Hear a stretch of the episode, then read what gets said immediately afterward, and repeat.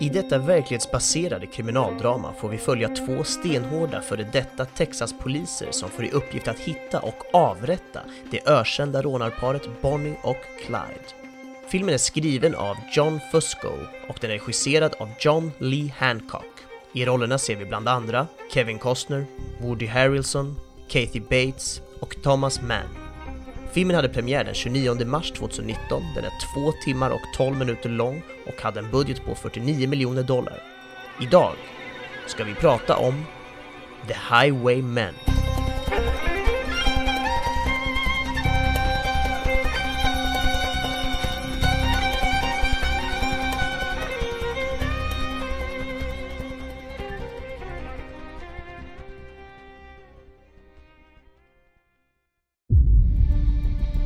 Far back as I can remember, I always wanted to be a gangster. The first rule of Fight Club is you do not talk about Fight Club. Did you eat all this acid? That's right. Music! What is real? How do you define real? Du är leksak! More people than you think, and more people each day. This is a world getting progressively worse. Can we not agree on that? Det finns bara ett ord för sådana som du. Och det är ondska. English, motherfucker! Do you speak it? I am the danger. Get away from her, you bitch! Are you not entertained? Are you not entertained? Why so serious? Hallå och välkomna till ett nytt avsnitt av Spoiler alert, avsnitt 28 med mig Joel Keskitalo och Benjamin Gabrielsson. och idag så ska vi snacka om den nya Netflix-rullen The Highwaymen eh, som du valde. Stämmer. Du valde den här jäveln, så Ja. eh, let's dive right into it tänkte jag säga. Let's, eh, vi kör. Har, eh, Ja. vad, hur fan kom den här på tal? Du sa ju lite i slutet av förra avsnittet hur den kom på tal, men för de som inte har lyssnat på det så hur, hur blev det den här? Ja men exakt, det var egentligen så enkelt att jag eh, funderade lite på vad jag skulle välja för film och sen så har ju Netflix den här eh, funktionen som man både kan älska och hata ibland, att det bara ploppar upp en stor film som börjar rulla liksom, någon slags trailer-liknande grej framför en och så blir man såhär wow, wow, vad är det jag kollar på? Jag vet inte om jag vill se det här, ah, ah, spoiler! Liksom den feelingen, så, och då har den, den här filmen då, Highwaymen, kommit upp. Så det var egentligen så enkelt och sen så kände jag väl att fan, jag älskar ju ändå Kevin Costner sedan jag var liten. Jag har en speciell kärlek till honom som vi absolut kan dyka lite djupare i senare. Mm, Men jag. ja, det är egentligen så enkelt det blev. Eh, ja, innan vi går in på själva avsnittet så skulle jag vilja fråga dig en liten, eh, lite större fråga angående Netflix. Och, och Ja. Jag vet ärligt talat inte vad, vilken bild du har av Netflix, vilket eh, gör, gör det till en intressant fråga. Tror jag. Okej. Alltså min bild, jag har av någon anledning en väldigt skeptisk film, eller skeptisk bild menar jag, sorry. Skeptisk bild till att välja filmer som Netflix har varit med och producerat, eller Netflix överhuvudtaget släpper. Och jag vet ju då att Netflix har ju äldre filmer som de inte tidigare haft någonting att göra med, som är bra standalone-filmer och så vidare och så vidare. Så det är ju inte dem jag pratar om. Men när jag hör att det kommer någonting nytt ur Netflix, då tänker jag alltid att det här är lite av en roll of the dice. Och jag vet inte riktigt varför jag tänker så. Har de producerat så här skräpmaterial tidigare, eller har jag bara fått för mig det? För nu när jag tänker på de Netflix-filmer vi har valt till podden, vi, vi såg Annihilation, Ja, just det. nu var det jättelänge sedan och den var ju, jag tyckte, jag, jag minns ju att vi båda tyckte väldigt mycket om den.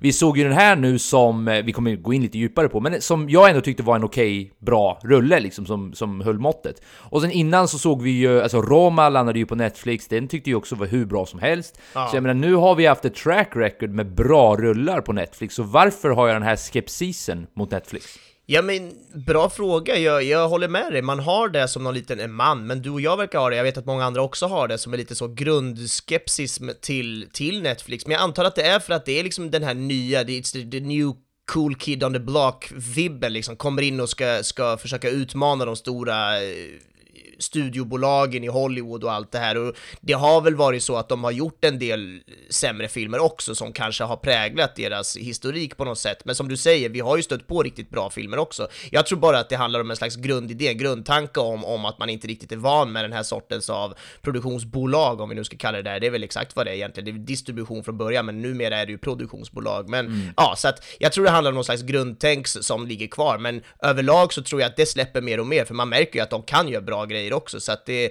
det finns nog bara, bara gott som, kan, som det kan leda till tror jag.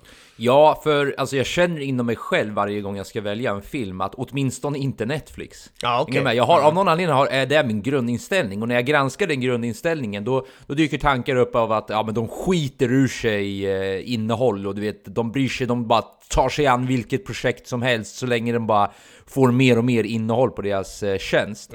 Och eh, det kanske stämmer till viss del, för scrollar man igenom Netflix, du ser ju rullar som man bara vad i helvete är det här för någonting? Men återigen, det kanske är jag som är allt för där. Skulle jag väl titta på skiten kanske det är bra. Men jag tror nog att det kommer just för att de mass... Eh, jag ska inte säga att de producerar, men man kan väl säga det att de massproducerar Ja, innehåll. Eh, men åt, jag, tror att för egen del tror jag att jag måste backa lite på den skepsisen. Just för att, eh, ja men dels är det ju en bra tjänst som jag tycker man borde supporta. Eh, dels, alltså rullarna vi har sett nu har ju som sagt varit bra. Men ja, som sagt, jag ville bara utforska det här lite innan vi hoppar in i dagens avsnitt. Just Ja. för att eh, jag undrade ifall du delade samma inställning eller inte. Ja men det gör jag ju, jag tycker det där är väldigt intressant just varför tycker vi så här? Men jag, jag tror just att det beror på den anledningen att vi, vi, vi, vi är inte vana med det här, vi tänker vad är det för nytt? Och de har som du säger spottat ut sig material för att göra liksom allt de kan för att slå sig in på marknaden, och det har de ju lyckats med. Men jag tror att det där är mer gammalt än nytt, och jag tror att nu är det ju mer så här att, det är klart de gör mycket skit fortfarande, men det, hur mycket skit gör inte Hollywood om vi nu Ja, ska men gå in eller hur, det sån kommer man typ inte undan. Nej, så, så är det ju. Så att jag menar, nu, nu tror jag mer man ska försöka se det som att det vore liksom Universals eller Paramount eller någon av de där stora studiobolagen och att man bara ska ta in det de gör så på samma sätt som, som man gör med, med Hollywoodfilmer och tänka att det här kan vara både bra eller dåligt. Jag tror inte man ska gå in med en automatisk inställning att det här kommer vara skit, för, Nej, för så verkar det ju verkligen inte vara heller. Nej men då så, Eh, jag ville bara ha det sagt för jag tyckte som sagt att det var en liten intressant fråga. Men nu tycker jag att vi dyker in i själva avsnittet då. Så Ja. eh, spontana tankar kan väl du, du som valde filmen, eh, vad tyckte du om den här filmen spontant? Ja men jag, gillar den, jag tycker det var, en, det var en nice film. Jag vill nästan säga att jag tycker det var en okej film, och du hör redan här att jag är lite skeptisk, men jag ville så gärna gilla den mer. Det, det, är, det, det finns potential bakom den som jag känner att fan, här hade det gått att göra det mycket bättre, tror jag. Och jag kommer utforska lite där under avsnittet idag, vad, vad jag tror hade funkat bättre. Så, ja men lite så kände jag. Ja, det ska bli intressant att höra, för jag tror, baserat på det du nyss sa, att jag nog gillar den lite mer än vad du gjorde. Jag tycker Okej, det var en otroligt mysig film. Jag tycker Ja. kombinationen mellan eh, Costner och Harrelson funkar skitbra. Du vet, Ja, verkligen. miljöerna de befinner sig i, eh, dialogerna de har mellan varandra och eh, ja, men, själva handlingen, vad det är de försöker göra allting. Jag tycker allting ändå funkar. Jag har också några få saker som jag, som jag gärna, ja men som det fanns som du sa innan vi startade podden, förbättringsmöjligheter till. Men, Mm. för vi är, eh, ju- vi är ju rättspersoner att säga ja, åt Netflix vad de ska 100%. göra för filmer. Ja, ja, ja, ja. Vi, vi skapar ju filmer på rullande band, så jag menar, 100%. vi vet vad vi pysslar med. Eh, nej men så det ska bli intressant att höra dina, dina små eh, kritiska poänger lite senare. Men, Ja, men jag vill ändå så... rättfärda mig lite grann, Ja. förlåt att jag avbryter nu, men det, jag, jag tycker verkligen inte att det är en dålig film. Jag vet att det lät lite som det, men det, det är en nice film. Det är bara det att jag kände, fan den kan ju, jag kan älska Mm. den här om de hade gjort det rätt. Förlåt, fortsätt. Nej men det, är- det är lugnt. Eh, det kanske också har lite att göra med din, din förkärlek till Costner och att du känner att det går, att- det går att liksom krama ur ännu mer av den här potentialen. Ja, faktiskt. Eh, nej men så, jag hade en fantastisk filmupplevelse, jag tyckte den var jättemysig. Det gillar vi att höra. Men ska vi hugga in i det här? Ja, det tycker jag. Eh, Mm. Ska jag börja eller? Ja, men det kan du göra, varsågod. Ja, alltså... På gott och ont så känner jag ju att det här är ju en typisk sån här detekti- detektivsfilm. Ja. Är svårt det här att säga av någon anledning. Och jag menar, det är klart att det går ju inte att komma runt det med tanke på att det här är två detektiver som ska lösa, eller liksom agenter eller poliskonstaplar eller hur du nu vill de- definiera dem. Så det går ju liksom inte att komma runt det här, men då i och med att det är en typisk detektivfilm och en duo då dessutom så följer ju då med ganska många stereotyper som man kan tycka mer eller mindre om. Jag råkar tycka att det, alltså, det är väldigt bra, för jag, jag gillar som sagt dynamiken mellan två i det här fallet avdankade poliser som har, eh, som har haft en viss jargong säkert under hela deras karriärer och som bär vidare den jargongen. Men den blir ju då också ganska förutsägbar och det ligger ju som sagt i ämnets natur för i det här fallet så är det ju dessutom baserat på en sann historia så vet Ja, man den precis. historien, vilket jag ska helt ärligt säga vet väldigt lite om. Mm. Så på det sättet var det ändå nice att bli... Jag vet inte, hur mycket visste du om det här innan?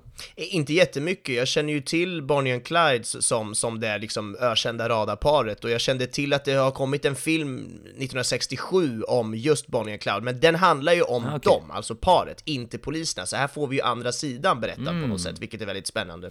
Ja, för eh, som, jag visste inte jättemycket om det här, eh, om det här paret. Jag hade bara hört namnen någon gång. De är ju ökända liksom, Ja. så man, någon gång har man ju stött på dem. Mm. Men så på det sättet så var den ju inte jätteförutsägbar, för jag visste ju inte, jag visste hur det slutade, Mm. men jag visste inte händelseförloppet fram till slutet. Nej, men precis. trots det så är det ju det här ganska standard detektivs eh, liksom. Att Mm. de letar efter clues, de intervjuar olika typer, de spelar den här bad cop, good cop eh, rutinen.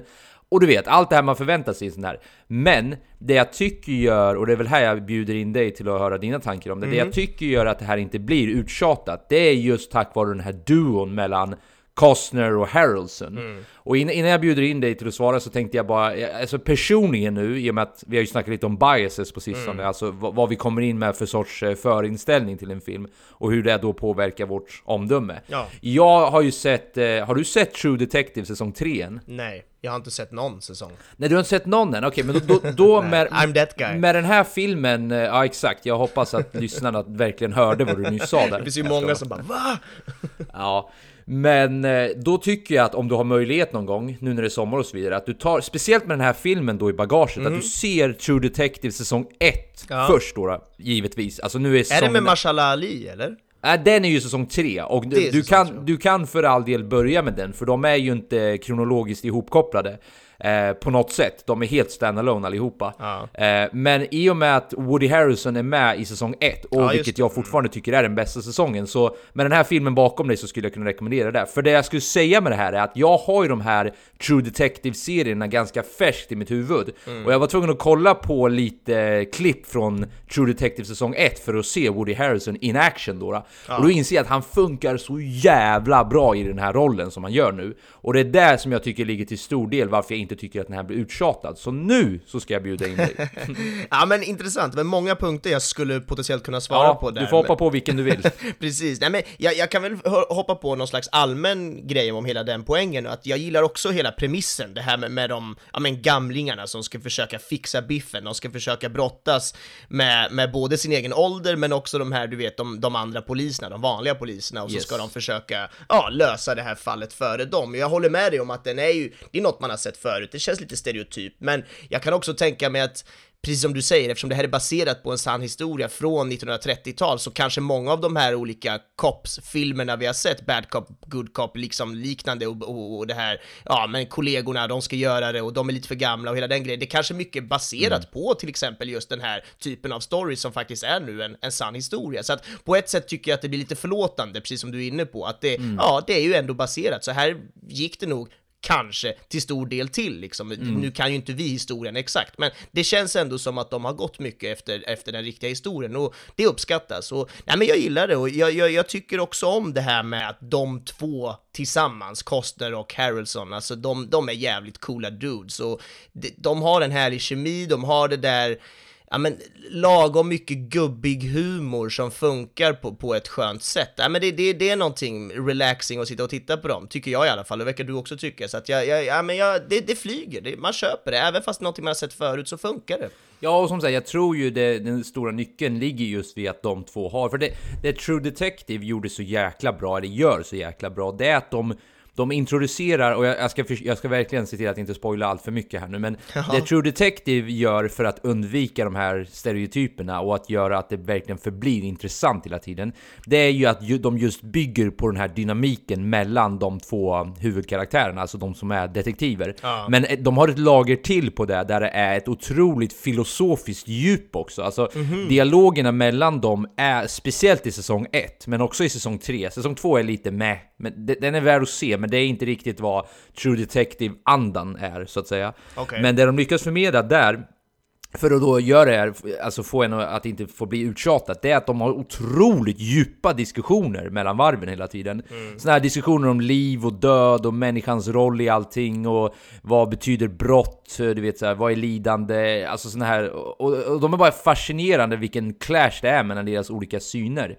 Här skulle jag vilja hävda att de inte har riktigt det här lagret just i Highwaymen, eller The Highwaymen, mm. men att det räcker just för att det är en film och inte en serie. Då räcker det med deras den här mysiga gubbkemin som vi precis pratade om. Ja. Men jag skulle vilja föra det här vidare till en annan poäng som vi har rört lite på här nu. Det är just den här clashen, och det här, det här skulle jag vilja hävda inte är en st ett stort tema i den här filmen. Det är ett tema, men det är inte det som är det övergripande temat, tycker jag inte i alla fall.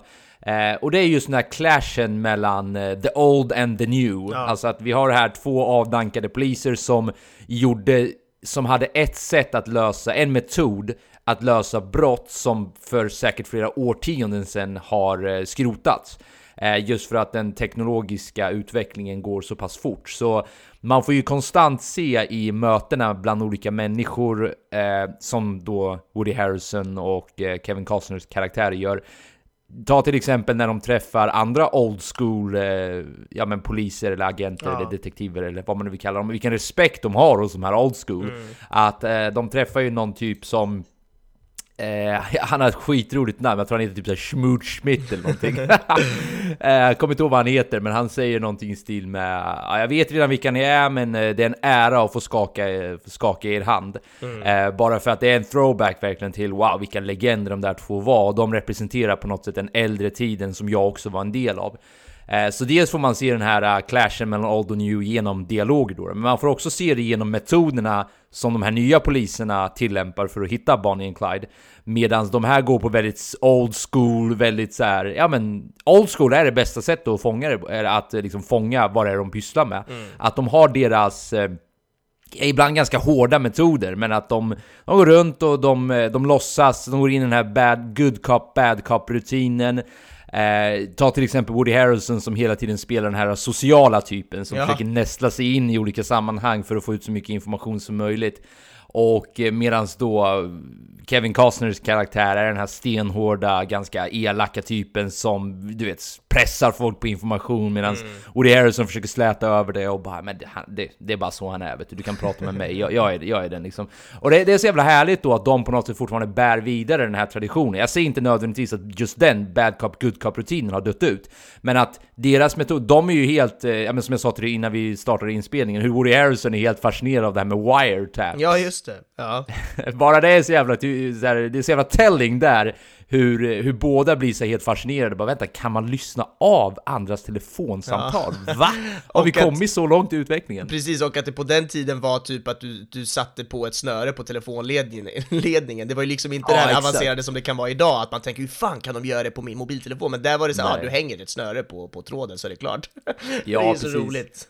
Dåtidens poliser som tyckte det var nytt då, ja. skulle ju sagt idag bara Wait, what? Ja, verkligen. What is this? IP addresses? This? What is this thing? Can you, what is a computer? Så Nej, men det, jag tycker verkligen att det där är spännande, hela, hela deras relation, och jag gillar det, hela den grejen med, med ja men det här, de, de unga mot de gamla och, och, och den premissen också där med, med, att Kevin Costner och Harrelson, de är ju gamlingarna som, som kan mycket mer, men de har inte rätt uh, medel helt enkelt. De har inte mm. olika avlyssningsmaskiner, de har inte en, vad var det, tvåvägsradio i bilen. Det var ju Harrelson också helt förvånad ja. Wow, vad, vad, är det liksom? Wow. Och, och hela den biten, att det, det, det finns ett så här det finns en härlig konkurrens med deras andra kollegor där som jag tycker om. Det jag kände var att jag hade velat sett mer av det. Jag tänkte, vad hände, vad hände med de här vanliga poliserna liksom i slutet på filmen, eller andra halvan mm. av filmen? Det kändes som att de försvann. Det blev bara Costner och Harrelson sen i slutet av filmen. Jag hade velat sett mer. Alltså, för, mm. tappade de andra vanliga poliserna bort spåret helt efter Bonnie and Clyde? Eller varför var inte de med någonting sen i, i sista, mm. kanske halvtimmen eller timmen av filmen? Det var det jag tyckte var lite synd, för att de hade byggt upp det som att här kommer vi få en härlig följetong med hur de kommer stöta på varandra och, och Kevin Costner som är någon slags nästan lite Sherlock Holmes-aktig typ där som kommer in och hittar saker som inte ynglingen har hittat på brottsplatsen. Och den grejen gillade jag också att han fick ha någon lite Sherlock Holmes-liknande aura där. Och där hade jag också gärna sett lite mer av att fan han kunde väl ha hittat fler ledtrådar på kanske senare ställen som inte de hittade, de här unga poliserna. Eller att han kanske, du vet, la någon sån där perfekt kommentar där det var så ja, ah, ni har ju inte tänkt på att vädret bla bla bla och vinden blåser ju ditåt och därför så kan inte han köra åt det där hållet för att, ja ah, men du vet, någon sån där häftig grej där, där de unga är så här, aha, wow, finns det väder? Alltså, mer sådana liksom, ännu mer, bre på det där kanske med, med Sherlock Holmes-grejen och att li, löpa linan ut med hela den grejen med, med, med konkurrensen mellan de unga och gamla poliserna. Jag tyckte det fall bort, föll bort lite ifrån filmen och det, det tyckte jag var synd. Det var en av de här lite punkterna som jag tog upp som, som jag kände att det hade jag velat sett mer av och det tror jag hade gynnat filmen i sin helhet. Ja, det finns ju en scen eh, som faktiskt eh, visar väldigt mycket det du pratar om här nu när de är i, jag tror de är i Oklahoma och de, de blir stoppade av en polisspärr då av typiska younglings där också som bara Ja. Alltså, ja men de har en attityd av att vi vill inte ha era gamla jävla metoder här och ni kan dra åt helvete typ. För om ni inte är federal, det vill säga om ni inte är FBI, då kommer ni inte förbi här. Men sen åker de bara förbi den här vägspärren och Ja. då, om man nu ska knyta an till det du precis sa, då åker de bort från dem både fysiskt, alltså både bokstavligt och bildligt. För sen får man ju Ja. inte se mer uppföljning av De åker för- inte ens efter dem, eller? Nej, de åker inte ens efter dem och man får inte se några konsekvenser. Eller jag kan ha missat ifall det kanske var något Nej, telefonsamtal jag tror inte tillbaks det var det. Nej, jag, jag tror att de nämns inte sen, att det är ganska, ganska... Man liksom conveniently enough så bara lämnar man dem bakom. Ja. Så lämnar de dem bakom sig så förväntar, förväntar sig filmen att vi inte ska ställa de frågorna sen. Och Mm. jag förstår på ett plan varför de inte förväntar sig det, för det är mycket annat som upptar ens uppmärksamhet. Men nu när du lyfter upp det på det här sättet så kan jag verkligen hålla med om att det glömdes lite bort den dynamiken som fanns däremellan och det blev mer fokus just på Bonnie och Clyde. Vilket som sagt är ju rätt rimligt, men Mm. jag håller med dig om att den där konflikten de byggde upp i början var väldigt fascinerande och de hade gärna kunnat fortsätta lite mer med det. Ja, jag tycker det faktiskt. Och eh, en annan grej som jag, jag kände med, med den grejen, eller med, med filmen överlag egentligen, som jag tycker är intressant är att jag tycker, och det är lite med det du precis sa nu, att det, det, det känns, jag kan lite känna att den är inkonsekvent i sitt egen form och stil av, av hur den vill förmedla den här storyn. Det känns som att det är både det här lite good cop, bad cop, de här gamla gubbarna mot de unga eh, poliserna som sen lite försvinner som vi pratade om, men, men, men också det här med att det finns någon slags humor i det, det finns det här oj, vi har ont i ryggen, vi är gamla. Humorn som var i början, så, som på ett sätt är jävligt rolig, jag skrattade en del åt det, jag tycker det är kul, men det löpte inte heller riktigt linan ut och det var också lite så här, aha, men vilken stil är det vi ska ha på filmen? Ska det vara det där lite gubbhumor, jag har ont i ryggen, skrattgrejen, comic reliefen som, som ni har här, eller ska det vara mer det här väldigt, väldigt allvarliga? För att å andra sidan så är det ju också otroligt många djupa dialoger och monologer där, där de står och har liksom, ja men sådana verkligen samtal där man känner att oj, det här är på allvar och, och vi ska inte ta Bonnie and Clyde-grejen som ett skämt som, som många av, av av eh, personerna i, i det verkliga livet verkar göra. De, de såg ju Bonnie Clyde som, som movie stars och det var hela den biten och de var ju väldigt romantiserade som, som, som eh, radarparet som folk, ja men Robin Hood-grejen som många tyckte att de, de hade över sig. Men att det, det, det fanns någon slags, ja men jag kände att de, de kunde ha gått mer åt en mörkare stil och det kanske säger mer om vad jag gillar för typ av film, jag vet inte, men jag har ingenting emot om de hade haft en skämtsam stil, men det är bara det att jag tycker den hade väldigt olika stil. Jag hade gärna sett att den hade varit mörk rakt igenom. Ehm, att de kunde ha gått mer, för jag menar slutscenen också, det här när, när de åker i staden och eh, Bonnie och Clyde åker på ett, alltså döda Bonnie och Clyde åker i, i en bil bakom där och, och det var en jävligt stark scen liksom och, och folk började rycka i dem och det var någon, någon pianomusik där och det, det tyckte jag var jävligt starkt. Men det kändes också som att okej, är det den typen av riktigt så hårda, mörka, betyngande känslan vi ska ha här under filmen, då hade jag gärna känt det liksom i början. Det kändes som att det började med en komedi och avslutade med en jätteallvarlig, supermörk story. Och jag- hade hellre sett något mer konsekvent tänk där i filmen igenom tror jag. Vad tänker du om den biten? Fan vad intressant, jag har faktiskt inte alls tänkt på den biten förrän du sa det nu, men nu när du säger det så kan jag inte låta bli att hålla med dig, för jag tänker så här att den har ju, den är lite spretig, är vad Ja. du försöker säga kanske, att den, Ja, den går lite åt en riktning, och man förväntar sig då att den, ja, men den bygger upp till att det är den här sortens ton den här filmen kommer ha. Mm. Men sen gör den en 180 på oss och visar oss att nej nej nej, det, det, det, vi går snarare åt det här mörkare hållet som du säger. Och jag, jag börjar fundera nu på Ja, precis. Om det är våra egna förväntningar som spelar för stor roll in här och inte ett problem i filmen i sig. För jag tänker så här. En, alltså, jag, kan inte, jag kan inte låta bli än att tänka att det här hade passat som en serie. Och det, det tror jag också säger någonting om de tiderna vi lever i. Ja, att serier som har blivit en så jäkla stor grej av vår vardag just nu har ju en väl, de, har ju bättre förmåga att kunna utveckla många olika sorters teman och toner än vad en film har. För en film på två timmar och 12 minuter har kanske inte riktigt det utrymmet att kunna dels introducera en, ja men en gnutta men jag, säga, jag tror inte heller att du säger att den kan vara helt humorlös. Nej, nej, För, för, för det, det jag tar ifrån det du säger är, det är snarare att den sätter upp en ton och en sorts Mm. förväntan av vilken riktning den här filmen kommer gå och sen bygger den på den tonen ett tag för att sen bara stänga den och sen är det ingenting mer av det och då är det bara de här starkare grejerna och ganska mycket mörkare grejerna. Så Ja. det är väl lite av en sån här, jag tror vi har pratat om det i tidigare filmer också, det här med att filmer ibland och det här är ju någonting bara du och jag säger, så jag säger inte att andra har att det här är någon legitimt sätt att analysera film, utan det, det är hur vi tänker. Att det kanske lider av lite av en identitetskris, att den liksom inte Ja. riktigt vet vad den försöker vara. Och eh, det jag säger nu kanske bara är ett annat sätt att säga det du nyss sa, en upprepning. Men jag ser vad du ser, men jag har inte tänkt tillräckligt mycket på det för att riktigt landa i en slutsats. Men jag förstår vad du menar när du säger att, eh, ja men som jag precis sa, det här med att, ja, är vi de här gubbarna som, ah, lite ont i ryggen och du vet, ja, du vet, ja, det är så gamla här, klappar varandra på ryggen. Eller är vi det här där vi skjuter två försvarslösa, visserligen psykopatiska mördare och sen liksom åker igenom stad med, stan med dem och ja, låter, eller låter jag mig kanske inte, men eh, bevittnar när hundratals människor försöker rycka i dem och är jättetrasiga. Jag håller med dig, det var en av de starkaste scenerna i filmen faktiskt. Nej men jag tycker det där är väldigt intressant och det är lite det som är min, min, min overall kritik mot filmen, att jag, jag, precis som du säger, du, du, du konkretiserade min poäng ganska bra där och gjorde den tydligare, för jag tror att jag snurrar runt ganska mycket på hur jag själv eh, tänker och hur jag formulerar mig, men det är precis det där, att den känns lite inkonsekvent och lite rörig i sitt sätt att berätta. Den kanske inte riktigt har bestämt sig själv för vilken sorts film den är, precis som du säger. Och en annan grej som jag gärna hade sett för att få in mer av det här lite mörkare och, och djupare och kanske mer allvarliga tonen i filmen hade varit mer av de här fruarna som vi får se lite av i början. Vi får ju se lite av Kevin Costners fru, hon är ju väldigt, ja hon är inte positiv till att han ska iväg på det här. Eh, jag hade gärna sett kanske några fler scener med henne, typ antingen att, att Costner ringer hem och att man får se henne då, eller att man bara ser henne, du vet, struggla hemma med familjen. De kanske inte hade barn i och för sig, men du vet, struggla med hennes väninnor och man ser att hon kanske har det jobbigt, hon kanske tappar en kaffekopp när hon hör någonting på radion, eller du vet, man, man får känna att det här är allvarligare än att de är ute och skojar på vägen och kanske ska skjuta Bonnie och Clyde, utan att, att det finns ett faktiskt allvarligt hot här, att de kan dö.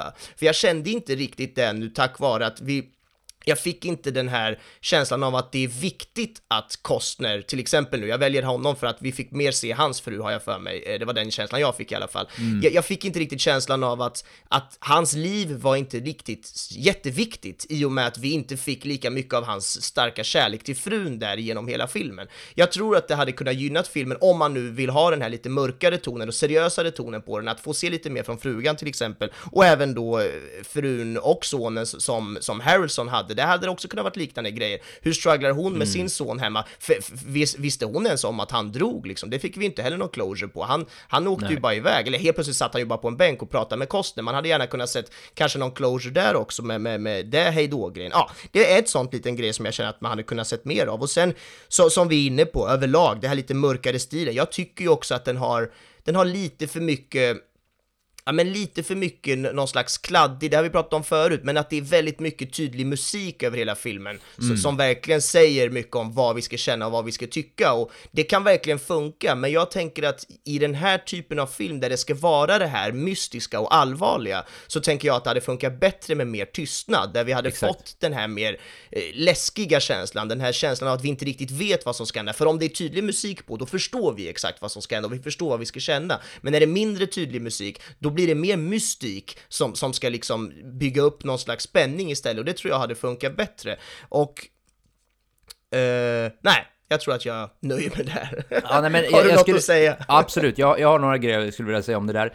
Eh, och bara för att backa bandet till lite av det du sa, det här tillbaks igen till din övergripande poäng, det här med att går vi åt en komediriktning eller går vi åt en eh, mörkare riktning och går Ja. de här att fusa, kanske inte hävdar vi. Men jag skulle vilja, jag skulle vilja betona att jag, jag tycker att de bästa delarna i filmen är just de här lite mörkare, lite starkare, Ja, lite eller mer, hur? eh, lite dystrare, lite mer dystopiska Ja. än vad de här, eh, ja men eh, mer comic relief-scenerna är. Mm. Och jag skulle vilja lyfta upp två exempel på det som jag kom att tänka på nu medan du pratade.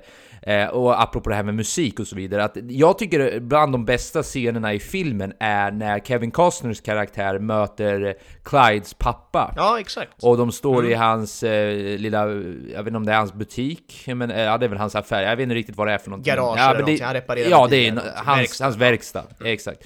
Eh, och de bara står där och pratar om han var inte alltid så här ska du veta och du vet eh, ett felsteg och nu hela, alltså världen är så orättvis, allt han ville ha var bröd och nu, nu är han på den här banan. Mm. Varpå Costners karaktär svarar ja du vet jag hade ett liknande öde, jag ville egentligen jobba med det här och sen visar det sig att Ja, jag, jag blev nästan mördad av den här galningen och sen, ja, efter det så blev jag lagen för han, han, han gick ju iväg och sköt den här som visade sig sen vara efterlyst.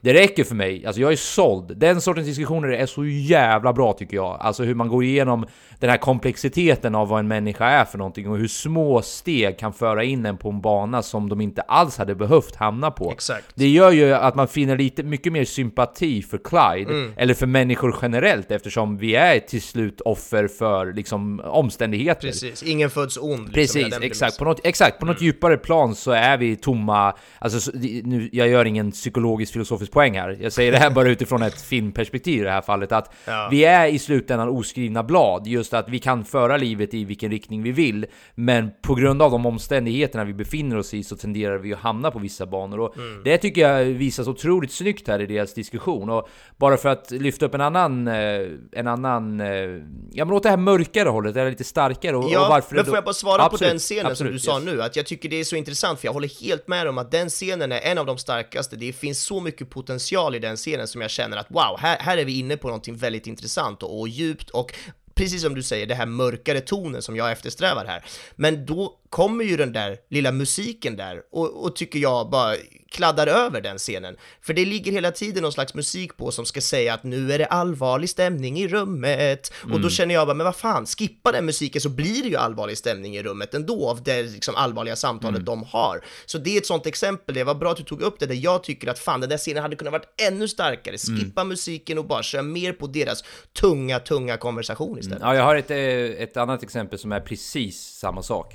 Mm. Och eh, det är scenen eh, mot slutet när Woody Harrelsons karaktär sitter och spelar kort med de här andra detektiverna. Ja. Och eh, de pratar om att, ja, ah, är det sant att ni dödade, att ni tillsammans har dödat typ så här 50 personer eh, Mm. mellan er? Och han bara, bro, vi, dödar, vi har dödat 50 personer över en natt. Ja. Eh, och den diskussionen som följer där sen är av samma slag av den jag precis lyfte upp, att den ger väldigt mycket mer färg. Det må vara en ganska mörk färg, men det ger mycket mer färg till de här eh, karaktärerna som jag fått följa under filmens gång. Och det är en otroligt mörk scen de berättar där, men det är samma Ja. sak där. Där är ju musiken den är ju där, alltså man förstår ju varför den är där. Det är ju väldigt eh, här, mörk ambient musik som vi i många fall gillar väldigt mycket. Mm. Men jag är inne på ditt spår det här med att det hade inte behövts förstärka hur illa det faktiskt är. Det räcker med ansiktsuttrycken Ja. hos de som Woody Harrelsons karaktär sitter och pratar med. Precis, eftersom det är så bra skådisar också. Eftersom det är så bra skådisar, och det räcker med att följa med i vad det är han säger. Alltså det, Ja, ja. Jag behöver inte... Filmen behöver inte säga till mig där Kolla hur illa det här är. Mm. Utan det räcker med det han säger för att jag ska ta till mig av det här. Här kanske det är våra egna biases, att vi själva är väldigt... Jag tror jag är det på, grund av, eller tack vare dig. Att jag, jag på sistone... Jag har ju gått mer åt, det, åt de här realismen som vi har pratat en del om. Ja. Och då har jag också i baga- eller på köp där så, så har jag fått tystnad. Tystnad har liksom blivit en stor grej för mig när det kommer till filmer. Att jag har börjat värdera filmer som vågar arbeta mer med tystnad än att de bara bombastiskt slänger på en massa ljud för att få mig att tycka och känna någonting. Eh, och det här var återigen, det här var också en poäng jag inte hade tänkt att lyfta inför det här avsnittet, utan det här, det här, det här är också varför jag gillar, vi pratade om det lite tidigare, men när vi diskuterar en film under filmens gång, att vi, vi kanske inte riktigt har tänkt klart det än, utan under diskussionen dyker det då upp nya insikter, för Ja, den hade kunnat stått för sig själv, alltså just i det här mörkret, genom att bara, jag säger inte att man hade kunnat döda all musik, men när det blir sådär verkligen stigande toner av mörker musik som nästan tar över diskussionen. Ja. Jag vet inte fan, då tappar det lite för mig. Då, då, som jag sa i förra veckans avsnitt, då, då, det tar mig ur Ja, allvaret i situationen. Nej, verkligen. Jag instämmer helt. Och om jag ska eh, på något sätt lyfta något, något lite mer positivt i allt det här då, bara för att variera oss lite, så jag gillar verkligen hur de byggde upp själva mystiken kring Bonnie och Clyde. Att, att vi inte fick se dem nästan alls liksom under hela filmen. Det var någon suddig bild på dem och sen var det mycket silhuetter och du vet bakifrån och hela den grejen. Och att hon släpar sitt, sitt vänstra ben var ju jävligt spännande. Det gav någon liksom läskig mystik över, över henne på, på, den, på det sättet. Och ja, den grejen helt enkelt att vi, vi sparade deras grej till slutet, att den här filmen handlar enbart om, om poliserna och den sidan av det. Jag nämnde förut i början av podden att, att eh, att det finns en film från, från 1967 då så, som handlar om Bonnie och Clyde där vi får följa dem och deras eh, resa och den är ju på, på, på många sätt helt fantastisk just för att den gjorde så mycket för, för filmhistorien och den gjorde mycket för, för ja, när den kom så, så bröt den lite mot de här gamla Hollywood-systemen och den blev en liksom independent film som, som gjorde väldigt mycket för, det blev en liten nystart på en ny våg för filmkulturen i Hollywood, vilket var spännande. Men eh, med det sagt så, så, så, tycker jag ändå att det här är härligt för att den här filmen utgår ju från, i alla fall vad de själva säger och vad, vi, vad jag har fått eh, läst och sådär runt om på internet, att den utgår ju väldigt mycket från en sanningsenlig historiskt eh, perspektiv där vi ska försöka få fram hur det faktiskt var och, och just att de här var ju hemska mördare även om många i publiken, publiken säger jag nu, det är inte det jag menar, utan befolkningen ska jag säga, eh, ser dem som någon slags eh, Hollywood-liknande figurer som, som idoler och hela den biten. Ja. Och, ja, jag tyckte det var väldigt spännande att vi fick dels deras, att vi inte fokade så mycket på Bonnie och Clyde och att vi fick den här liksom mer sanningsenliga versionen av vad som, vad som faktiskt hände bakom kulisserna här för att försöka få ner de här två. Jag tyckte, jag tyckte det, var- de gjorde det riktigt bra. Mm, ja, men de kraschar ju den här, eller de punkterar ju den här eh, The Bandit Myth, alltså den här Ja. myten att, eh, ja men de här två har ju nästan en Robin Hood-status. Jag tror att de till och med Exakt. nämner det under filmen Ja. ett par gånger, att de här ses liksom som Robin Hood. Det här är ju under depressionen, mycket av skulden läggs ju på bankerna, de stjäl från Precis. banker och du vet, de lämnar tillbaks till folket. Det, det är så jävla romantiserat över dem. Mm. Men då när man får följa detektivernas eh, perspektiv, då ser man ju att de är ju psykopater på något jävla plan. Ja, Alltså- de dödar ju polisen. Ja, fan, det de inte kallmodigt död... Nej, de kallblodigt... Vad säger man? Säger man kallblodigt? Ja, det det he- de står, står liksom över honom och sen 'Hello there sweetie' och sen blow his brains out basically. Ja. Och eh, jag tycker det är nice att se Costners eh, reaktion, hur, hur förbannad han är eh, över bilden eh, befolkningen har på de här två. Med, medan Woody Harrison är lite mer avslappnad just i den scenen jag tänker på, där han säger typ Men vem bryr sig om vad de tycker? Och han bara De ser dem som hjältar! Alltså vi måste, vi måste få ett stopp på det här, för det här är inte okej. Och det för mig till två paralleller lite snabbt, det här med hur vi har en tendens att kunna mytolog- mytologisera bad guys Ja. stundtals. Eh, för det är så lätt att bara se Alltså som vi pratade om lite innan vi startade, när man hör om dödsfall och när man hör om olyckor och när man inte riktigt kan konkretisera det i sitt huvud Då är det så enkelt att bara avfärda allt det där. Ah, vadå, de sköt ihjäl ett par poliser, de har fortfarande rånat de där big bad bankerna som såg till att ekonomin kraschade och så vidare och så vidare. Och jag tar ingen ställning nödvändigtvis om hur mycket sanning som ligger i det där, utan jag går bara på det jag sett här och det, jag, det lilla jag läst om. Men jag hörde till exempel en parallell om hur vi ser på El, El, heter han El Pacho? Eller El, vad heter han? Den här nya eh, sydamerikanska druglorden som nyss eh, flydde... Ja, jag vet vem du menar men jag är inte helt säker på hur Ja, han heter. skitsamma vad han heter. Ni, ni kära lyssnare kanske, kanske känner till det här. Och, eh, men vi kan ta ett mer, eh, ett mer känt exemplar. Pablo Escobar. Ja, Att sättet vi mytologiserar Pablo Escobar på, sättet vi tycker att han är cool, du vet, så här, han lyckades lura en hel stat och, och han ägde basically hela staten, du vet, han kunde göra vad fan han ville. Det må Mm. och han vara hjälpte sant. folket på vissa Och han sätt. hjälpte folk och det är så biten, ja. fint. Men då fick jag höra, jag läste en artikel i den här tidningen Fokus som jag prenumererar på, Mm. där det var en som hade intervjuats och som sa att, alltså i Colombia då, då som sa sättet ni i väst mytologiserar den här jävla Pablo Escobar är egentligen så jävla fruktansvärt och så äckligt gjort av er. För tänk om vi... Han är en, han är en massmördare, inget annat. Han, har- han har fört med så mycket olycka och så mycket lidande till de här delarna av världen att ni fattar inte det. För, och ni fattar inte det för ni ser inte verkligheten. Och då jämför de med, tänk om vi skulle mytologisera Adolf Hitler och bara lyfta upp vilket geni, vilket militärt strate strategiskt geni han var och att han försökte ena Europa under en fana. Och Han var, tvung, han var visserligen tvungen att rensa ur en del av befolkningen, men någon behövde göra det och du vet så här, vi ska hylla honom. Hur skulle västvärlden reagera på den sortens mytologisering?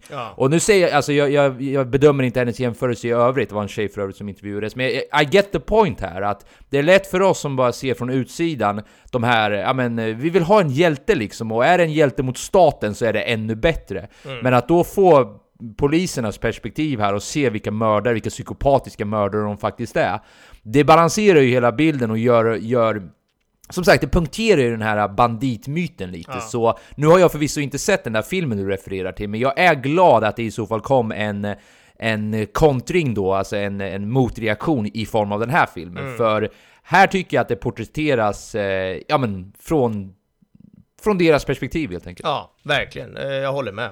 Men en sista poäng jag har innan vi rör oss mot det tekniska som jag var väldigt nöjd med. Det är hur hela den här filmen bygger upp till ett climax som sen också levererar, tycker jag. Alltså det är inte ett komplicerat climax i den bemärkelse att de har gjort värsta superplanerna här och de har mutat rätt personer där och du vet, de har satt upp eh, vägspärrar där och du vet, det är inte en masterplan vi ser här. Det Nej. vi ser är resultatet av hårt, klassiskt detektivarbete som får sin payoff i slutet.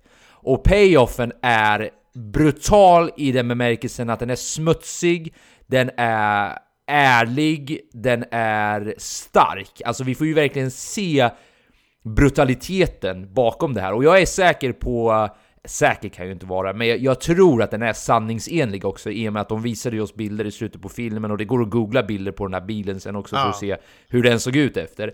Nej men så min poäng med allt det här, jag är så glad att hela filmen var på något sätt ett långt uppbyggande, för den är ju ganska lång också. Ja. Eh, ett långt uppbyggande, men att vi ändå då fick en climax som gjorde det här uppbyggandet eh, värt det. Mm. Så, ja vad tycker du om just den punkten? Nej men eh, verkligen, jag, jag håller med. Jag tycker det, dels, alltså precis som du säger, det, det klimaxet som, som vi ändå har väntat på blev uppfyllt och det var härligt. Men jag tycker också att det var så mycket som, som rent tekniskt var så häftigt med, med de där scenerna, hur de klippte mellan, vadå, 48 jävla olika kameravinklar när de bara sköt och mejde ner den där bilen med, med, med 300 000 kulor kändes det som och det var, ja, men det var väldigt starkt dels men också det här med att det känns ju som att, ja precis som du säger, det är ju det här som har hänt uppenbarligen. Vi har ju sett bilder på den där bilen efteråt, den är ju mer sönderskjuten på riktigt än vad den ens var i filmen och det, Ja. det säger ju någonting om att de de, de vill gå den här sanningsenliga vägen som jag gillade. Jag kände ju också att det fanns,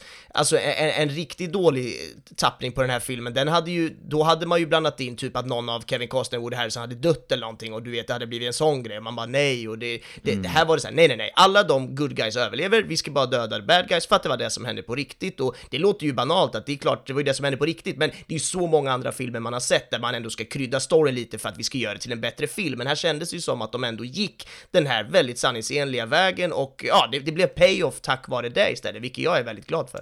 Ja, eh, du rörde ju lite där på hur många olika kameravinklar Ja. Vi, vi fick se där i slutet. Så det, jag tycker det, det är en snygg segway in till det tekniska. Ja, men tekniskt då. Jag, jag, den här filmen är filmad med en Panavision Millennium DXL-kamera som är en eh, digital fullformatskamera som filmar i 8K. Så ja, det gör ju att det blir ju sinnessjukt bra jävla bild. Den får in extremt mycket information i sig den här kameran och det, det märks när man kollar på den här filmen. Det är otroligt snygga bilder. Det är liksom mycket ljus, det är mycket, det, det, det är mycket dynamiskt omfång brukar man prata om, alltså att den kan få in så mycket information även i de mörka partierna men även i de ljusa partierna i bilden och det är, ja men det är härligt att titta på. Det passar väldigt bra också i en sån här film som, som har väldigt mycket utomhusmiljöer, där det är mycket starkt solljus solljus och det, det blir väldigt vackert att titta på det här helt enkelt. Och ja, det, det, det var jävligt snyggt. Mm, får jag och, bara flika in en snabb poäng Ja, just, just på det du sa nu? Jag, jag glömde säga det här när vi pratade om själva filmen, men det slår mig nu att det kanske ändå passar bättre i det här segmentet. Jag fick lite vibbar av det vi pratade om när vi, när vi poddade om Green Book. Ja. Den här känslan av att åka i the countryside, och de är ju i södern här också, och du vet hur de Mm. ja, fångar mycket de här bilåkande och det här. mycket ja. bilåkande, hur de fångar de här fina miljöerna så... Mm. Det var faktiskt en stor poäng som jag tyckte gjorde att den här filmen förblev sådär mysig som jag nämnde tidigare. Att det var, Ja. var härligt att följa med dem liksom, så ja. Exakt. Ja men verkligen, och det, det, det där tycker jag är väldigt eh, talande för, för filmen i sig, att det är den här liksom mysiga, härliga känslan som, som porträtteras tack vare de här otroligt vackra fotografiet då. Och själva bildspråket i sig är väldigt stadigt och lugnt. Det, kameran rör sig inte, eller den skakar inte och flänger inte runt så mycket, utan den rör sig en del, men då är det liksom såna här stadiga åkningar och panoreringar och tiltningar, men men överlag så är den stadig och det ger ju ett lugn och en trygghet som jag tycker passar liksom filmens karaktär och det, det var väldigt bra. Det, det som ger lite liv och action till de scenerna som, som behöver liv och action då är ju framförallt det här klippspråket som jag snuddade lite vid ehm, när vi pratade om den där slutscenen där, eller inte slutscenen, men när de skjuter ner Bonnie och Clyde. Just att de använder väldigt mycket snabba klipp när det behövs förmedlas action. Det var ju några avsnitt sen, kommer inte ihåg vilken film det var, när vi pratade om actionscener där, där kameran istället rör sig mycket i sig, liksom att den, själva kameran skakar. Det var väl The Hurt Locker eller? Ja men det var det, exakt. Där Ja. rör sig kameran konstant skakig och, och liksom mycket inzoomningar, utzoomningar och, och så här, flänger runt som jag säger nu bara för att förtydliga vad jag menar. Och ja, det, det, det är ju ett sätt att göra actionfylld eh, känsla på, men det här sättet blev mer stadigt, lugnt, men istället då jobba med klippningen, att klippen är snabba när det väl ska bli actionfyllt. Och jag tyckte det funkade väldigt bra i stil med det här, ja men breda, stora landskapet, de här stora, eh, eller stora, men de, de här äldre skådespelarna som, som har det här liksom, den tyngden i sig, de här gubbarna de ska vara och som är liksom stadiga i sina karaktärer också. Det, det fanns någonting kongenialt i hela den berättarstilen som jag tycker funkar väldigt, väldigt bra.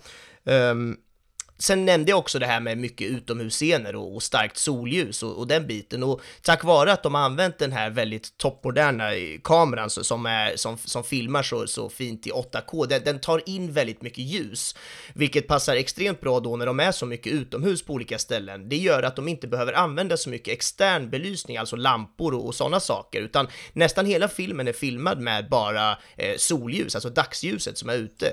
Och det ger ju ytterligare den här liksom autenticiteten och verklighetskänslan, den här, ja men känslan av att vi faktiskt är på plats och det känns genuint där vi tittar på. Det, det, det skapar också det här, ja men det, det är ju dels att det hjälper till i berättandet, men det är också det här att det blir väldigt, väldigt snyggt att titta på. Jag, som du är inne på, jag tror det hjälper till i den här kanske lite för långa filmen som den är ändå, att, att vi ändå har det att luta oss tillbaka på, att den är otroligt snygg och en, ett, ett lugnt och stadigt bildspråk som känns härligt att titta på. Du, du nämnde det här med mysfaktorn och det, det kan jag verkligen instämma på, att jag tycker att hela den, den ja, estetiken vi får bevittna här är verkligen en del av, av mysfaktorn och det, det har de gjort jävligt bra helt enkelt. Mm, börjar bli mer och mer Eh, jag, vet, jag vet inte om fascinerad är rätt ord här, men jag börjar uppskatta mer och mer eh, vad heter det, den amerikanska söderns miljö. Ja. Och det säger jag med en extremt begränsad eh, inblick i amerikanska söderns miljö. Jag har sett ett par filmer liksom. Men av de filmerna jag har sett, så alltså de här öppna landskapen och det här ja men hur eh, the highway, det vill säga motorvägen, går Ja. genom de här olika delstaterna. Det är en otroligt vacker miljö måste jag säga. Och Mm. den här roadtrip-känslan, nu Ja. må det här vara en ganska dyster roadtrip kanske. De ska fånga två eh, mördare liksom, eller de ska Ja. döda två mördare. Eh, det må vara hänt. Men det är lite av en roadtrip, och då är vi tillbaka till det här jag pratade om, hur, mysigt det är att bara följa med de här två. Det är ungefär, det här hade kunnat blivit en annan film, just för, det här är en liten sidopoäng bara, men jag ska Ja. fatta mig kort. Att det här vi sa förut med att den inte riktigt kan hitta fotfästet, att det här skulle kunna blivit en härlig roadtrip-film som hade mer komedi i sig, alltså som, Ja. som var en komedifilm nästan. Och det, jag tror det skulle ha kunnat funkat. Ja men verkligen, och bara för att spinna på på din poäng vi egentligen inte borde prata om på det tekniska, men vet du vad, det är vår podd, vi gör vad fan vi vill, och det, Jajamän. det är ju just att det här är kanske en sån anledning att den, den hade kunnat tagit den där svängen som den gjorde lite mer i början. Gubbig humor, nu ska vi ut på en roadtrip, vi får se vad som händer, och den aspekten fanns ju i det hela, och det hade nog varit en underbar film i sig. Ja, men lite Green, green Book-viben som, som du var inne på, det här roadtrip precis. och radarpar, vi ska lära känna varandra-grejen.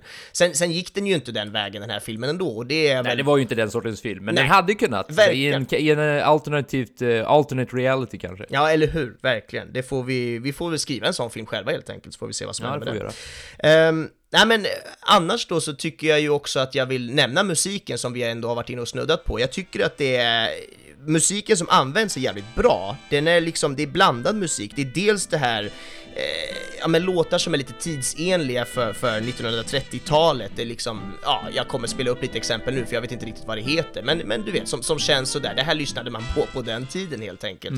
Eh, men det är också den här lite mer klassiska vibesen av symfoniorkester och mycket stråkar som, som den här klassiska filmmusiken som ska hjälpa oss att känna saker och musiken i sig är väldigt bra. Jag tycker att den, den är, den är, det är hög kvalitet på det. Sen däremot så tycker jag ju som vi var inne på att den används lite för mycket och det, det, den, den kladdar över scener som inte riktigt behöver den typen av, av eh, ja, förstärkande känslomusik hela tiden. Så det har vi ju snuddat på, men, men jag tycker att det är en brist tyvärr istället för en fördel i den här filmen.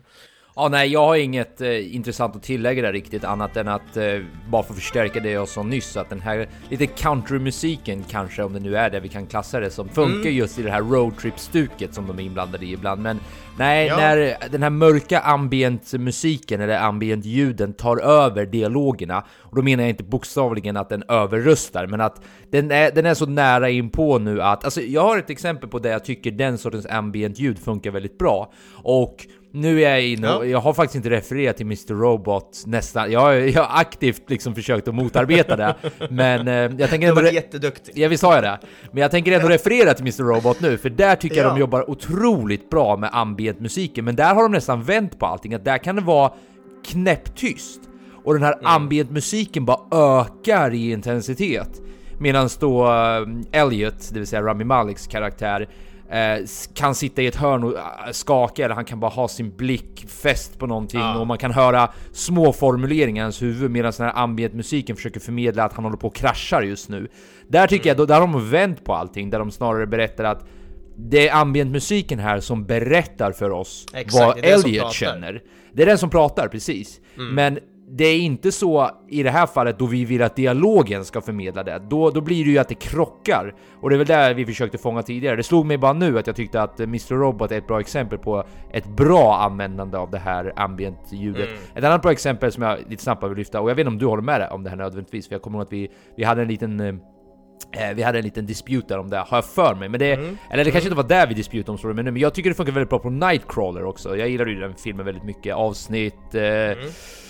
19 om ni är intresserade av att se det. Men där jobbar de också med ambient-ljudet på ett sätt som jag tyckte funkade väldigt bra. Så det var bara två lite korta sidopoänger på just det här med, med hur man kan använda musik och hur man inte kan använda musik. Ja, verkligen. Och jag, jag håller med dig om att det funkar extremt bra i Mr. Robot. Jag håller nog inte lika mycket med dig i, i Nightcrawler, där jag tycker att det, det gick lite till en, en slags... Ja, men det var nog inte egentligen ambiensljudet, utan där var det mer de här olika små, små melodierna som kom in ibland som skulle hjälpa till Ja, att just få oss att det, det var tänka. där, ja, ja, just det var nog det jag reagerade mer på, för ambientljud har jag oftast en, en ganska positiv inställning till när Mm. det inte används för mycket. Och ja, det var lite så jag kände i den här filmen också, alltså The Highwayman som vi poddade om, att det, det att, att det, det funkade ganska bra med ambientljuden, men ibland så kom det in lite för mycket ambient som gick över till någon slags lite melo, melodisk mel, melodier Mm. sådär och, och, och då kände jag bara att fan, det hade varit bättre att tona ner istället för att tona upp det istället och ja, Mm. så är det.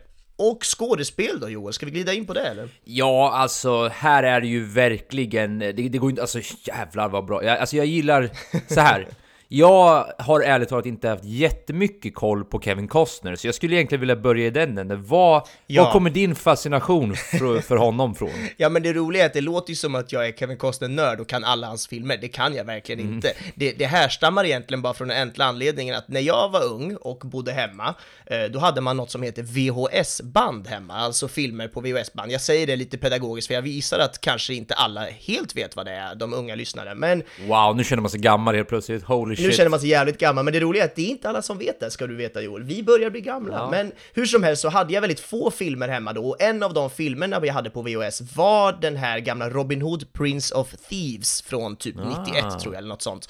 Som är då Kevin Costner i huvudrollen. Och den filmen växte jag basically upp till, alltså det, eftersom jag hade väldigt få filmer och jag älskade medeltid och hela den grejen, jag älskade Mm. Robin Hood, apropå Robin Hood som jag pratade om i den här filmen, men eh, ja, så, så att då, då blev det att jag nötte det, för jag kollade på den flera gånger i veckan, jag kunde den utan till. Vilket gjorde att Kevin Costner som är då en bärande huvudroll i den filmen och är jävligt cool, du vet, han är Robin Hood, han är, han är likable as fuck i den filmen. Och det, blir, det gjorde att han blev någon jävla liksom nästan fadersfigur för mig, jag älskade honom och hela den filmen, Fan, så att nu när jag ser honom i, i såna här grejer så kan jag ju inte släppa honom som något så här, åh, du är på något sätt en liksom inrotad liten idol eller gud eller vad man ska säga i min kropp och själ. Så att jag har en biased of the biasedest bias med mig här nu när jag verkligen älskar honom så jävla mycket redan från början. Så att han hade i princip kunnat vara dålig i den här filmen, jag hade ändå älskat honom. Så på den nivån ligger det till för mig. Okej, ja, men jag fattar. För grejen är att jag själv, jag själv känner att eh, när du berättar hur mycket du gillar Kevin Costner, då börjar jag reflektera. Borde jag gilla Kevin Costner så här mycket? Vad, vad har jag sett Kevin inte. Costner i?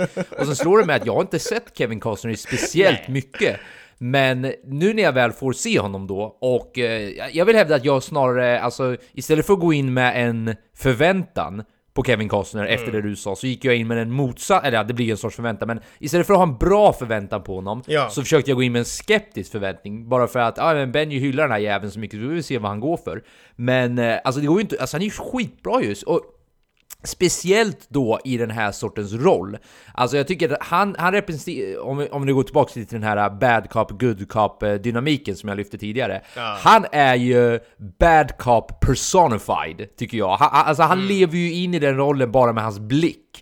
Alltså i slutet när de har, eh, de ska sätta upp den här fällan då för Bonnie och Clyde och de pratar ju med, ja, de pratar ju med farsan till en av deras medarbetare, Bonnie och Clydes medarbetare. Och eh, attityden där, Kevin Costner har när han säger 'Vilka är ni? None of your business' Alltså, och du vet man ser hur en av de här andra detektiverna bara småflinar i hörnet. Jag tycker han lever in i den här rollen så otroligt bra. Verkligen. Men! Ja, dess, men. Eller vill, vill du Ja, fylla nej, nej, på nej, lite nej, mer jag är Kevin Costner? jättespänd nu, men vad händer Ja. efter männet? Men! Woody Harrelson är filmens kung. Ja, det är så! Så enkelt är det. Ja, vad roligt. Det här Jag kan inte jag det här. se för att jag är så kär i Costner. Berätta mer. Ja. Nej men jag kan tänka mig det, och det var lite därför jag tyckte det var roligt att lyfta. Ja. Jag tror att här kan mina True Detective... Jag vill legit Benjamin, om du har den tiden, att du ser True Detective säsong 1. Jag ska göra mitt Det bästa. vore intressant, ja men det, det tycker jag, för det vore intressant att höra också nu när vi har den här filmen som sagt bakom oss. Men med det sagt, alltså jag tycker, alltså Woody Harrelson har också en sån här, lite som Ethan Hawke som vi pratade om när vi poddade om... Eh, eh, First Reform. Eh, precis, First Reformed, som var avsnitt nummer 26, så eh, två, två avsnitt sen. Eh, att han är lite så här.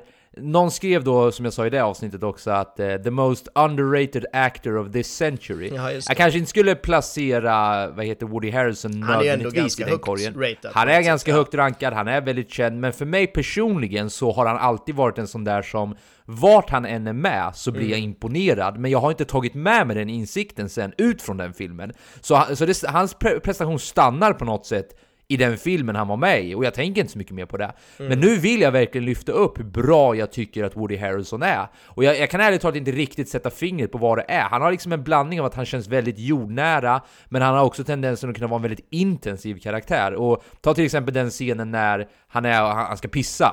Ja. Eh, Alltså Woody Harrelsons karaktär är på någon bar och han, eh, han blir eh, ja, men ambushed av några, några typer där som, som säger att vi backar eh, vi backar Bonnie och Clyde här, ni kan dra åt helvete och så vidare och han bara liksom slår ner dem och ja, du, du vet vad han gör där. Det är Skit, skit. Den är by the way en blandning mellan det här starka och hårda vi har Ja, pratat lite om. verkligen. Det blir någon sorts symbios där mellan komedi och allvarlighet. Ja. Men, eh, jag tycker, jag tror att det hade väl säkert kunnat funka. Det, det är svårt att säga, det är klart att hade, de hade säkert kunnat hitta en annan som Ja. passar väldigt bra. Men just för att Woody Harrelson också har True Detective nu i bagaget som väldigt många människor gillar, som är liknande den här rollen. Han, han är en annan sorts karaktär är han förvisso, men han är ändå en, lik, en, en karaktär som liknar det här väldigt mycket. Så funkar det väldigt bra också. Så nej, jag skulle vilja hävda att det, det den som bär den här filmen, och inte nödvändigtvis ensam. Det säger jag Nej, absolut nej. inte. Men den som drar det tyngsta lasset skulle jag vilja hävda är Woody Harrelson. Ja, men det är mycket möjligt. Jag, jag lägger mig platt mot allt det här eftersom jag är så, så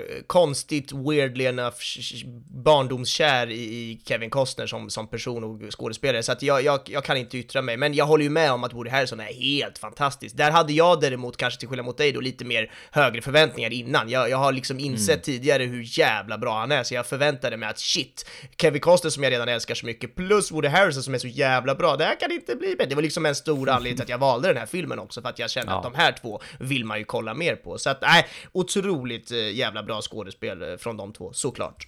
Är det någon mer, det känns lite tråkigt att bara lyfta upp, eh, nog för att de var duon som bar det här, men är det någon mer Ja. du vill lyfta upp som, eh, men- som bra? Kathy Bates som spelar den här Ma Ferguson, hon, hon som, Mm. som bestämmer över dem, hon, hon känns också som en sån, hon är jävligt bra på det hon gör, jag tycker hon är riktigt duktig. Man ser inte jättemycket av henne så det kanske, kanske nästan är larvigt att ens nämna henne, men nej, jag tycker det lilla hon man får se henne så hon är övertygande, jag tycker hon gör en riktigt bra roll och de här andra poliserna gör väl också bra grejer, men som du säger, det är Kevin Costner och Woody Harrelson som är den här filmen. Jag skulle Så vilja lyfta upp en annan skådespelerska i det här fallet. Mm. Eh, och det är Kim Dickens, eh, det vill säga, Ja. eh, vad heter det, Kevin Costners fru då. då. Eh, Precis, som vi fick se för lite av enligt Hon fick mig. vi se för lite av och jag, jag ville se mer av henne av en ganska dyster anledning. Mhm. Det är för att jag tycker hon är så otroligt dålig i eh, serien Fear the Walking Dead. Mhm. Eh, och serien i sig är inte heller jättebra.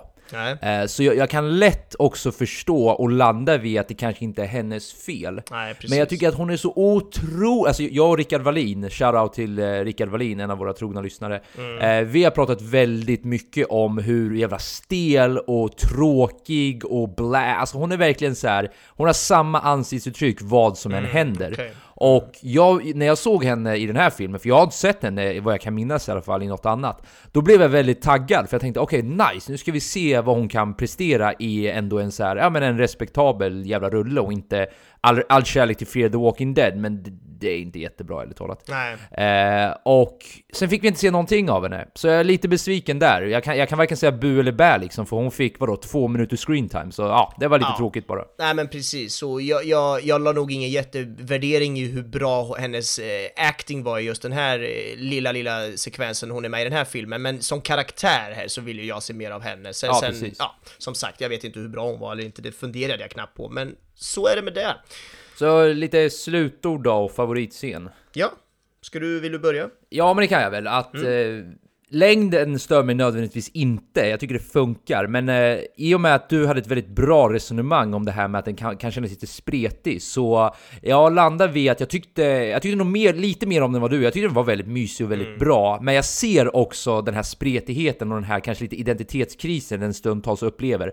Och jag behöver inte den där starka musiken alla gånger för att säga för att liksom betona scenens allvar. Så eh, ja, men bra jävla rulle tycker jag ändå, fast eh, med små problem. Ja, men jag förstår. Jag, som du säger själv så, så jag tror inte jag riktigt jag gillar den lika mycket som du, men jag tycker också att den har de här mysfaktorn och den, den har mycket, mycket grejer som jag gillar. Det jag tror jag är mest besviken på är väl helheten av att jag ser att det finns så mycket potential bakom det här. Jag ser verkligen vart den här filmen skulle kunna ha, ha gått och vad den skulle kunna ha blivit. Det hade kunnat blivit en av, av de bästa porträtteringarna av liksom 30-talets eh, gangsterera någonsin om de hade gjort rätt, tror jag. Nu blir det bara one of those movies som vi inte kommer prata så mycket mer om för den, den ligger där på Netflix så det är inte mycket mer än det. Men jag, jag tänkte ställa en lite snabb fråga. Har du sett filmen No Country for Old Men från 2007? Bröderna Coens film.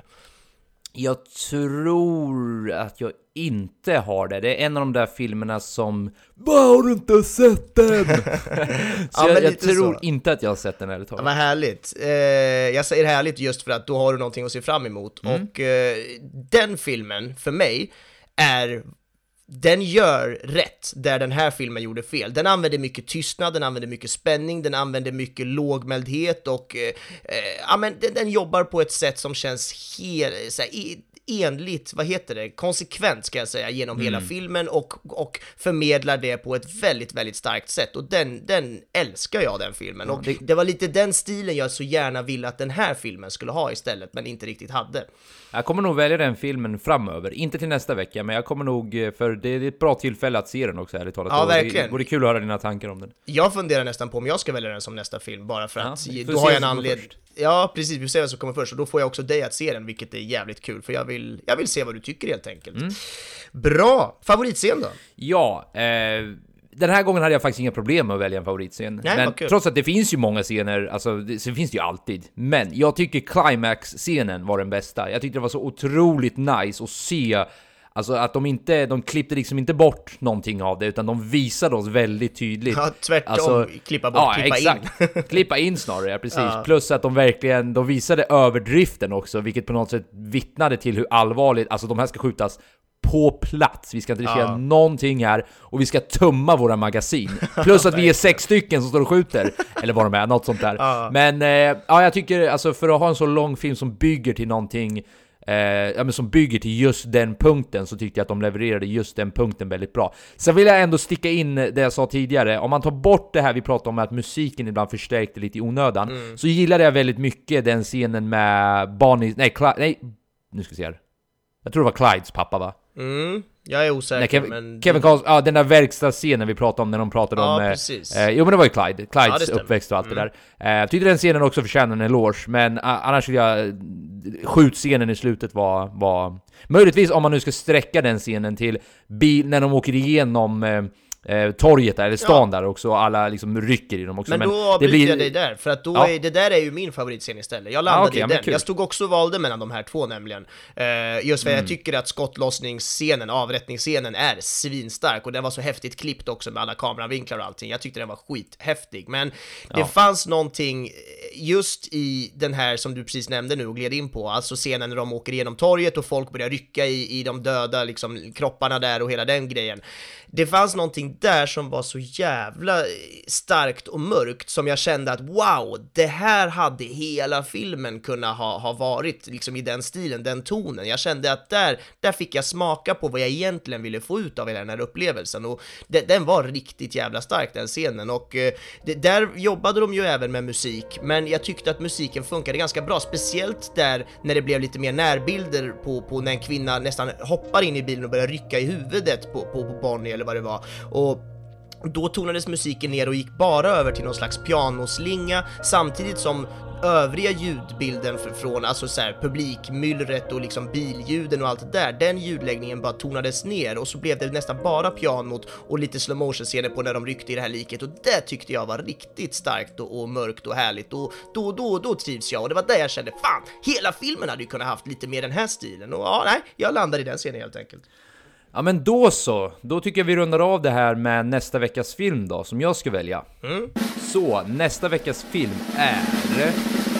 Incendies från 2010. Har du hört talas om den? Nej, jag har ingen aning, vad är det här för någonting? Eh, det tänker jag ju inte avslöja då, utan det kommer du få, kommer du få reda på på egen hand. Men om ni söker på den här så kommer det av någon anledning dyka upp Nawals hemlighet, är den svenska översättningen på det. Så bli inte förvirrade om ni söker på Incendies med C, Incendies, precis som det låter, eh, från 2010. Så det Men är vad min... kul, för Navals hemlighet har jag däremot hört talas om. Aha. Inte sett och vet ingenting om det, men fått den som tips någon gång. Så att då Okej. eh, har jag en liten klocka som ringer. Det låter spännande, vad kul. Ja, nej, men jag kände att det var viktigt att säga det också, för när, vart jag än söker på den här filmen så kommer Nawals hemli, hemlighet upp, så Mm. jag har det sagt nu. Men jag har inte heller någon aning om eh, vilken är, vad det här är för film, utan jag fick den också rekommenderad av en kompis, så ja, det är nä, nästa veckas nominering. Incendies från 2010.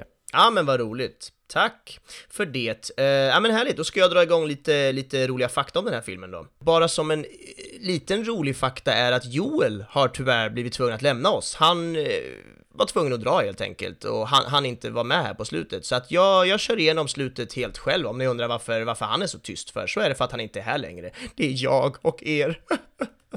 det ska allt gå bra. Men, då ska vi se. När den här eh, Bonnie and Clyde-filmen från 1967 kom, som jag nämnde lite tidigare i podden, så eh, porträtterades eh, den här då Frank Hammer, Kevin Costner-karaktären i den här filmen, han porträtterades i den filmen som en, en eh, inkompetent galning liksom, som, som var bara en, en, ja, en struntperson som man kunde skämta om och var, var inte speciellt bra på sitt jobb helt enkelt. Hans eh, fru då, Gladys, hon stämde faktiskt Warner Bros eh, för, för den eh, karaktären de gjorde av honom och eh, 1971 då så blev den out of court settlement was reached, står det här, inte helt säker på vad det betyder, men det är väl någonting om att hon vann, I guess. I strävan efter att få eh, riktigt mycket autenticitet i den här filmen, vi pratade om att den, den försöker vara verklighetstrogen och, och eh, historiskt korrekt och så, så eh, är det faktiskt så att eh, regissören John Lee Hancock eh, valde att filma den här scenen där Bonnie och Clyde, Clyde blir ihjälskjutna då på den faktiska platsen där de blev ihjälskjutna på riktigt, eh, alltså i Bienville Parish, Louisiana. Så eh, det var ju häftigt att det faktiskt är på den riktiga platsen.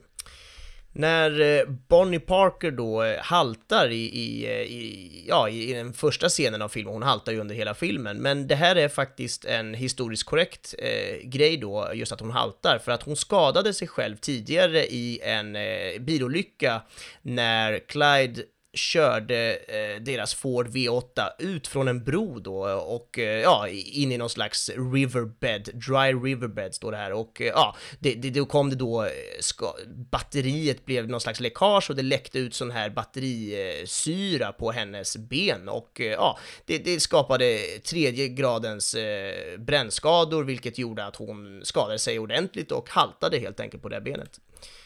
Kevin Costner blev erbjuden den här rollen eh, som Frank Hammer då, som han spelar i filmen, eh, redan tio år tidigare. Men eh, han eh, tackade nej till den då för att han kände sig att, ja, han kände att han var för ung helt enkelt för att spela den här gamla avdankade polismannen och eh, Senare då, eh, nu då, 2019 eller 2018 när de spelade in den här filmen så, så tackade han ja då istället, men han kände ändå att han eh, skulle öka sin vikt då, så han ökade den med eh, ja, ungefär 7-8 kilo för att eh, ja, känna att han skulle leva upp till den här lite avdankade äldre polisherren helt enkelt. 2013 när de började, de har ju hållit på och planerat den här filmen väldigt länge, de har av olika anledningar inte kommit till skott med att göra den, men 2013 så var det en sån gång där de skulle försöka, eh, ja, ta tag och göra den här filmen. Och då var det Woody Harrelson som skulle spela eh, bredvid Liam Neeson då istället för Kevin Costner, men eh, Neeson eh, lämnade projektet och blev ja, ersatt av Kevin Costner istället. Ja, det finns jättemånga sådana här fakta, men eftersom podden börjar bli väldigt lång idag så skippar jag att läsa fler. Ni kan hitta dem på IMDB under eh, Trivias som ni kan scrolla i, i, till och klicka er fram till och allt vad det nu är.